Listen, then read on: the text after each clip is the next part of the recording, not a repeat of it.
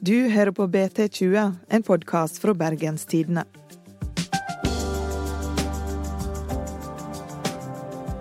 Godt nyttår og velkommen til vår 2019-spesial. Vi har akkurat gått inn i et helt ferskt år fullt av muligheter. Det store spørsmålet er hva blir de viktige sakene for oss i vest i 2019? Mitt navn er Ingvild Nave.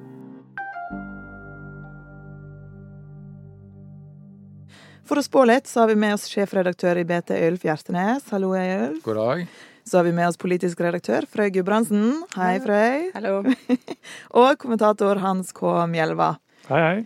Jeg har jo på forhånd bedt dere lage en liten liste over hva slags saker dere tror kommer til å seile opp eh, i år. Hva har du på lista di, Hans? Jeg, jeg har laga litt sånn eh, frekk eh, temaliste. eh, med tre priser. Eh, oljeprisen, eh, lakseprisen og boligprisene. Du er sunnmøring, liker du mest opptatt av penger, du, Det er penger som styrer verden, og eh, sunnmøringene er kanskje noen av de få som har skjønt akkurat det. Du da, Frøy, hva er det som eh, du tror vil prege 2019? Jeg tror eh, Om ikke akkurat verden, i hvert fall vår lille verden her eh, på Vestlandet, vil jo bli prega av kommunevalget og fylkestingsvalget. Og så tror jeg eh, spørsmålet om eh, får vi en ny regjering, eh, og uansett består regjeringen. Og det siste er sånn internasjonal, hvordan, internasjonal sikkerhet. Så det kan rett og slett bli et ganske turbulent politisk år, tror du? Ja, basert på 2018, eh, så tror jeg at 2019 blir turbulent. Øyulf, hva er det du vil trekke fram? Eh, tre ting. Først eh, sammenslåinga av Hordaland og Sogn og Fjordane fylke, som skal bli det nye Vestland fylke fra 1.1.2020. Det blir spennende å se hvordan det spiller seg ut. En stor sak. Det andre tingene som jeg tror blir viktig eh, for oss her i denne regionen, det er hva som skjer med havbyen Bergen i, eh, eh, inn i 2019. Eh, Marineholmen og eh, Dokken, hvor skal det nye havforskningsinstituttet ligge? Eh, klarer Bergen å tulle vekk denne posisjonen, eh, opparbeidet over 200 år som havbyen? Eller klarer man tvert imot å befeste den posisjonen? Det blir en viktig sak. Og så Den siste tingen som jeg tror blir viktig, det er alle spørsmål som eh, handler om næringsutvikling rundt det grønne skiftet. Fordi Klimaspørsmålet det er det største spørsmålet i vår tid. Eh, og det er ikke bare en stor utfordring, men det er òg en fantastisk spennende mulighet for bedriftene i denne regionen her. Noe av det første som kan skje, er jo at vi kan få en ny regjering. Hva skjer med det, Frøy? Nei, det blir jo spennende, da, om eh, de, eh, om de lykkes med forhandlinger. Hvem som skal lykkes med forhandlinger? Eh, den sittende regjeringen, bestående av Venstre, Høyre og Fremskrittspartiet, eh, som skal prøve å bli enige med KrF om å danne en utvida regjering. Eh, og det kan jo skje da i løpet av de første ukene. Så det blir jo spennende. Og det er klart, eh, alt som handler om regjeringen, påvirker Vestlandet på samme måte som det påvirker Nord-Norge og Sørlandet og eh, hele landet. Men eh, det er jo eh, Men hvis man får en flertallsregjering, så påvirker også det den dynamikken på Stortinget. Eh, man flytter den politiske balansen litt. Så eh, det er jo noe av det aller viktigste som skjer i 2019. Hva slags konsekvenser tror dere en regjering med KrF kan ha for folk? Hva slags saker er det KrF vil ha gjennomslag for? Eh, En av de viktigste, hvis man skal prøve å se litt sånn eh, eh, positivt på det, da, eh, er at KrF kommer til å presse gjennom mer på klima.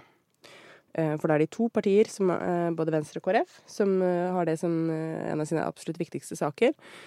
Og eh, Så det kommer til å eh, bli en eh, noe grønnere regjering, og det er bra. Men spørsmålet med KrF er jo hvor masse de egentlig er villige til å eh, altså Hvor hardt de er villige til å stå på den klimasaken når det kommer til stykket. For veldig ofte så har jo KrF feiga ut i de sakene, eller prioritert andre saker. Så det blir jo interessant. Det hadde vært interessant å være flue på veggen der. Det er jo fire partier som er fryktelig uenige om veldig mye. Blir 2019 et mer turbulent år i norsk politikk, tror dere? Ikke at det ikke har vært helt uturbulent i 2018. Eh, Det er vanskelig å si at det blir eh, eh, mer turbulent, for det har jo vært litt av et 2018. Men eh, ja, jeg tror det blir veldig spennende. Både spenningene innad i regjeringen, uh, men også på en måte hvordan uh, f.eks. hvordan blir spenningen mellom Stortinget og regjeringen, f.eks. internt i Fremskrittspartiet. Det blir spennende. Og så er det jo et kommunevalg, da, som også selvfølgelig preger den politiske, politiske debatten. For det har jo du på lista di. Hva er det som er de store vestlandssakene i valget 2019? Altså Den store vestlandssaken sånn sett er jo at uh, Vestland skal velge et, uh, et fylkesting. Og det er jo, det er jo nytt. nå har ikke jeg lagt merke til egentlig at partiene Det er jo ikke alle som er klare med, med programmet sitt ennå, men det er jo ikke, dukker ikke opp noen store, nye saker. Men det er mer sånn hvordan kommer det nye fylkestinget til å fungere? I Bergen, da? Hva er de viktigste Bergen-sakene? Altså, bompenger blir jo en sak.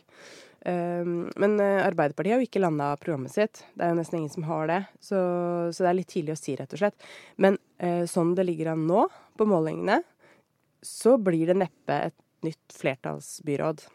Og det betyr at uh, det vil bli mer uro, mer ustabilitet, mindre klar retning. Så det blir mer turbulent både nasjonalt og i Bergen? Ja, i hvert fall i Bergen. For nå har det jo vært veldig hva skal man si, stødig, stille, på grensen til kjedelig. Det blir det slutt med, ser det ut til, etter valget i 2019. Ja, ikke minst, for Det kommer jo et nytt eh, lederskap. altså Uansett hvem som blir valgt her, så er jo det en ny byrådsleder. Enten det er Marte Myhrs Persen eller Roger Valhammer eller Harald Viktor Hove. Og dette er jo personer som ikke nødvendigvis er så veldig godt kjent for velgerne i Bergen. Så uh, selv om det kanskje ikke blir veldig konfliktfylt, så kommer det på en måte til å bli turbulent likevel. Fordi at det er et nytt mannskap som skal sette retning for denne byen her. Hva er de um, store spørsmåla dere sitter med før valget 2019? Altså, Jeg gleder meg til å se hvor altså, fylke, Fylkespolitikken er jo normalt ikke så veldig interessant, men uh, nå har disse her to fylkene gått inn i det med en krangel om penger. Men det er en del uh, spennende ting uh, ellers også. Fordi uh, vi har jo tenkt at det vil være gamle Hordaland mot gamle Sogn og Fjordane. At det vil liksom bli konfliktlinjene. Men det kan dannes liksom nye allianser.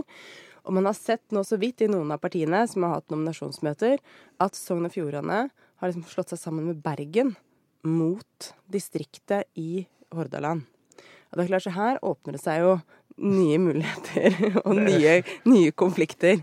Eh, og det er klart, politikere er flinke til å finne nye muligheter og til å finne eh, ja, nye, nye, skillelinjer, nye konflikter. Det, Så det, det, kan rett og slett bli noen nye allianser som ikke vi hadde mm, sett for oss.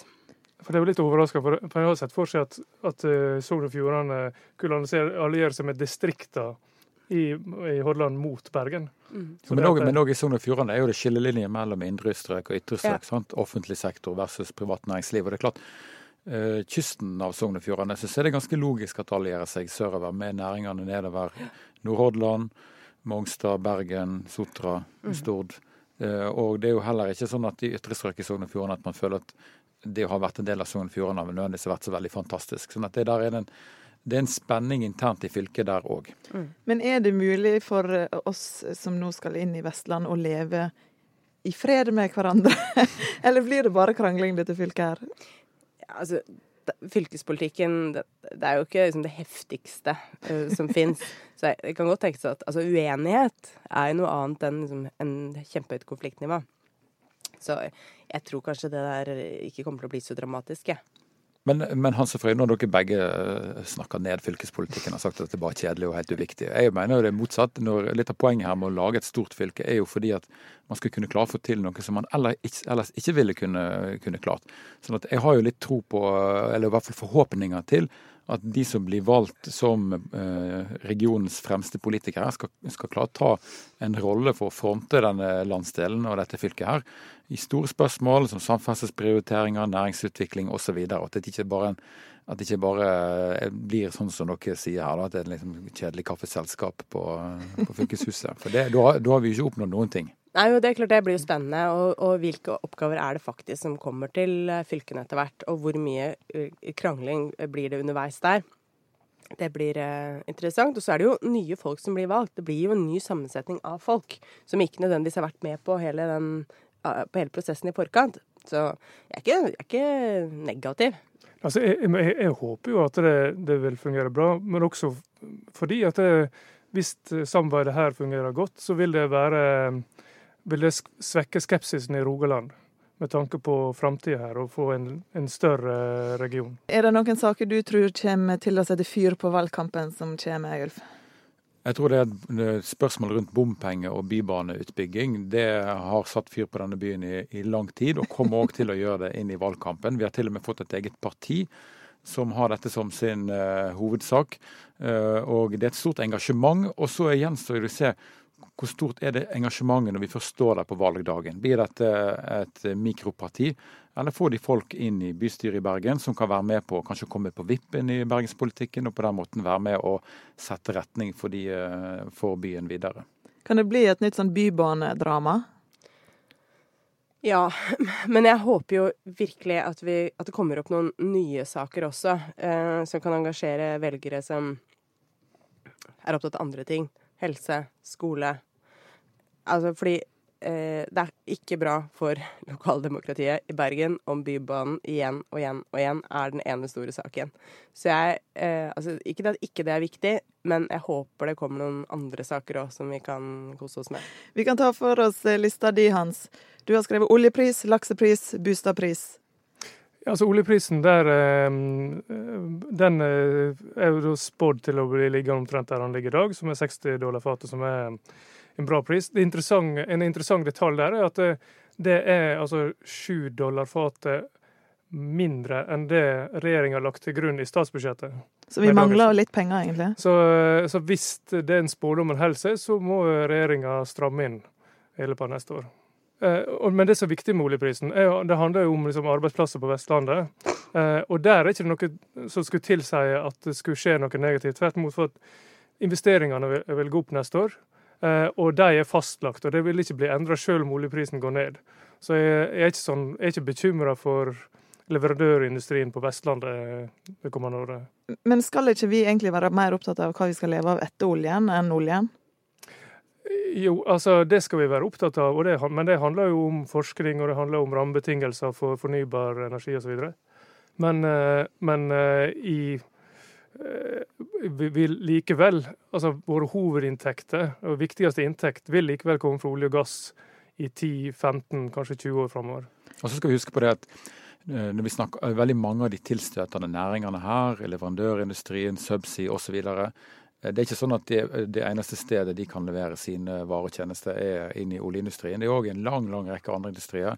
Vi ser en batterirevolusjon til havs nå. Hydrogen er i ferd med å vokse fram. Eh, havbruk. Altså Det er masse av den samme teknologien som denne regionen her har vært kjent for, finne nye anvendelsesområder. Og Det er jo det som er litt av det spennende her. Da. Hvor langt kan man klare å ta det? Eh, nettopp med tanke på hva er, skal, hva er det vi skal leve av i denne regionen her etter oljen. Men foreløpig er jo lønnsomheten i mange av de eh, alternative næringene er jo ikke i nærheten av det det er innen olje og gass. Sånn at det får jo ganske fort dramatiske konsekvenser når oljeprisen faller. Det, ja, så, men det, er to ting. Én ting handler om liksom, statsinntektene, offentlige ja. inntektene. Andre handler om, om leverandørindustrien leverandørindustri osv. Men klart, altså, olje, olje har grunnrente. Olje har en verdi når du plukker den opp av bakken som gjør at det er ingen det er ingenting som kan konkurrere med det når det gjelder å tjene penger. For sjøl ikke laksen? Nei, eh, men altså, laksen tjener jo nå gode penger på. Eh, og det er jo fordi det er så mye sykdom og elendighet. Eh, paradoksalt nok. Nå må du forklare. Nei, fordi det, Grunnen til at lakseprisene er så høye, er at eh, det er sterke begrensninger på produksjonen. Og det handler om lakselus, og det handler om eh, sykdom. Um, og eh, det, sånn som det ser ut nå, så vil og Lakseprisen er nå 60. Den er også 60 kroner um, kiloen. Uh, og, og, den vil ifølge de som uh, ser på dette, her, og analytikere, uh, holde seg på rundt det samme, kanskje litt opp neste år. Hvorfor er lakseprisen så viktig for oss? For det er jo en av våre største eksportnæringer. og Bergen er verdens laksehovedstad. Det er uten noen i nærheten. Vi skal straks gå videre i podden. Men først skal vi høre litt fra en av de andre podkastene som blir laga her på huset. Hei, jeg heter Sigrid Haaland og har en bra podkast om næringsliv som du bør sjekke ut. Vi snakker om hvordan batterier revolusjonerer skipsfarten. Hva det egentlig betyr når vi sier at oljebransjen blir digital. Og hvordan kvinner former teknologiutviklingen, for å nevne noe. Og podkasten kommer fra Sysla og heter Det vi lever av. Legg den til i podkastlisten din, så høres vi snart. Har dere noen økonomiske spådommer for 2019? Altså, jeg, jeg tror det går bra. Eh, den største usikkerheten er verdensøkonomien, men eh, jeg er ikke så forferdelig bekymra. Jeg tror arbeidsledigheten i Bergen og i Vestland kommer til å bli litt lavere gjennom året. Så du òg tror det går bra, da? Ja, men vi er jo journalister. Vi, skal jo, eh, vi er jo programmert til at ikke alt skal gå bra. Men jeg tror ledigheten, i hvert fall, som er kanskje den aller viktigste tallet for denne regionen, her, kommer til å gå ned. Altså, min følelse er at det kommer til å gå bra. Men eh, en ting som jeg har lært etter å ha sett Trump bli valgt som president, og etter å ha sett brexit-avstemningen, uh, er jo at uh, alt kan jo skje. Det er greit å være forberedt på hva som helst. For det som er litt fascinerende, Her sitter vi og lager våre lister, da, hva blir de viktigste sakene. Men det er, jo, det er jo langt på vei litt sånn forutsigbare saker. Det er veldig terminlistefesta saker. Men all erfaring de siste årene her har, har jo vist det at her kommer det til å komme store saker som ikke vi er klar over i dag. Enten det er type mm. store ulykker, men òg store endringer rundt oss. Uh, enten det er i verdensøkonomien eller ting som skjer i Norge. Mm. Så spørsmålet er jo hva er, hva er det? Hva er, hva er de x-ene i ligningen her som vi ikke har kontroll på i dag? Dere nevner jo alle tre ting som skjer langt utenfor Norge her. Hvordan påvirker det som skjer på verdensscenen eh, Norge og Vestlandet eh, nå?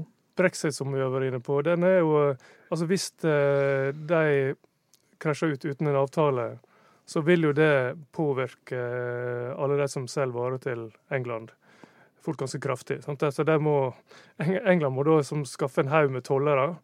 Verst, sånn eh, krisescenario snakker om som flere, at ting bare må stå flere måneder på grensen før de kommer inn osv. Det er klart, det, det vil jo Skulle det skje, så vil det jo få store konsekvenser. Men eh, jeg jeg har noe veldig vanskelig for å tro at det engelske folket vil seg sjøl så vondt.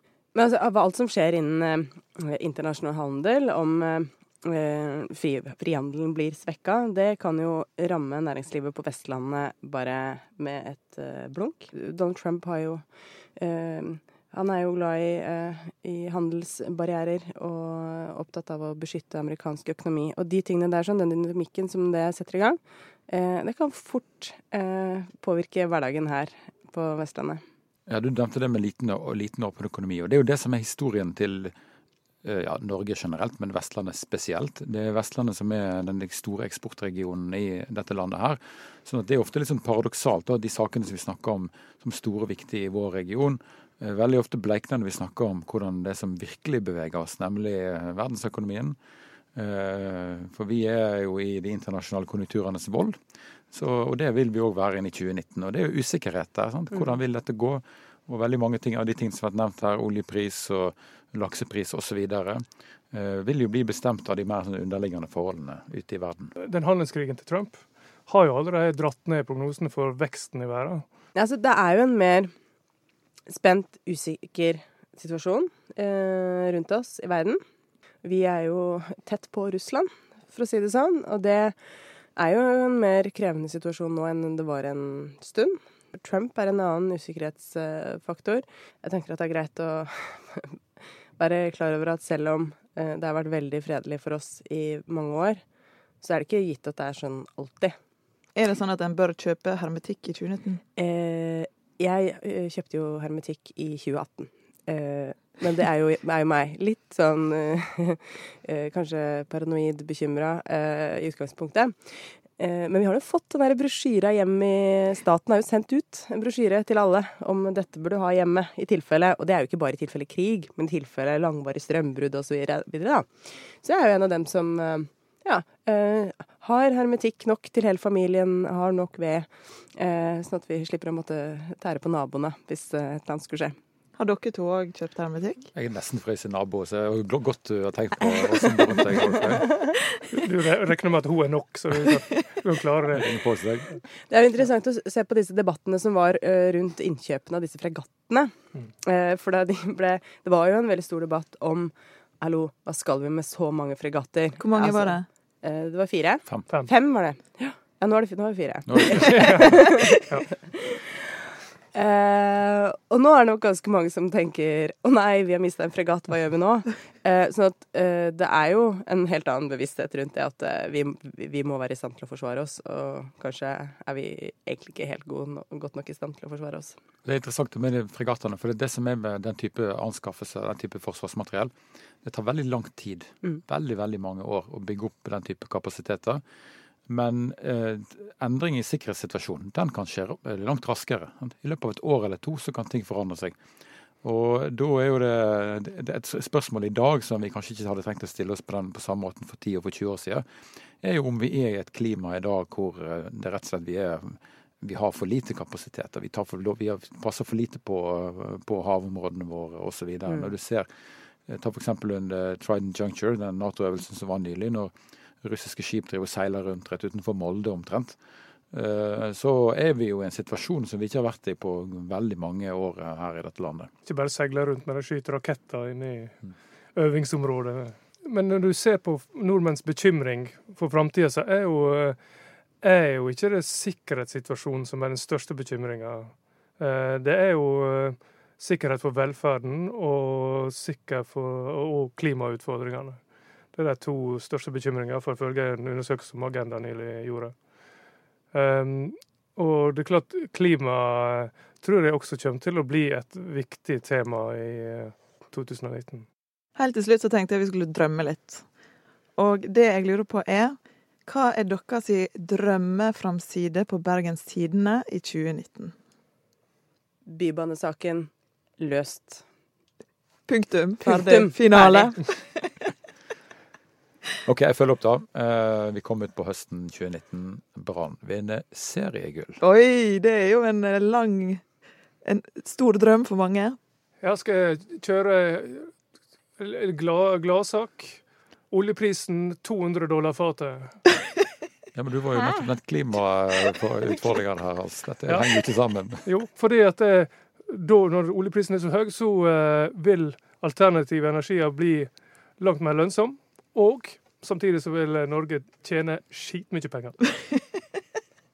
Så til Ja, ikke verst. Bra. Veldig lurt tenkt, Hans. Tusen takk for at dere kunne komme og spå litt hva 2019 vil bringe for oss her på Vestlandet. Takk. Det var ukas episode. Vi er tilbake neste torsdag. Husk å abonnere. Hva syns du vi skal ta opp i 2019? Send meg et forslag på ingvild.nave.bt.no. Produsent for podden er Henrik Svanevik. Alle vi i BT ønsker deg et godt nytt år. Mitt navn er Ingvild Nave.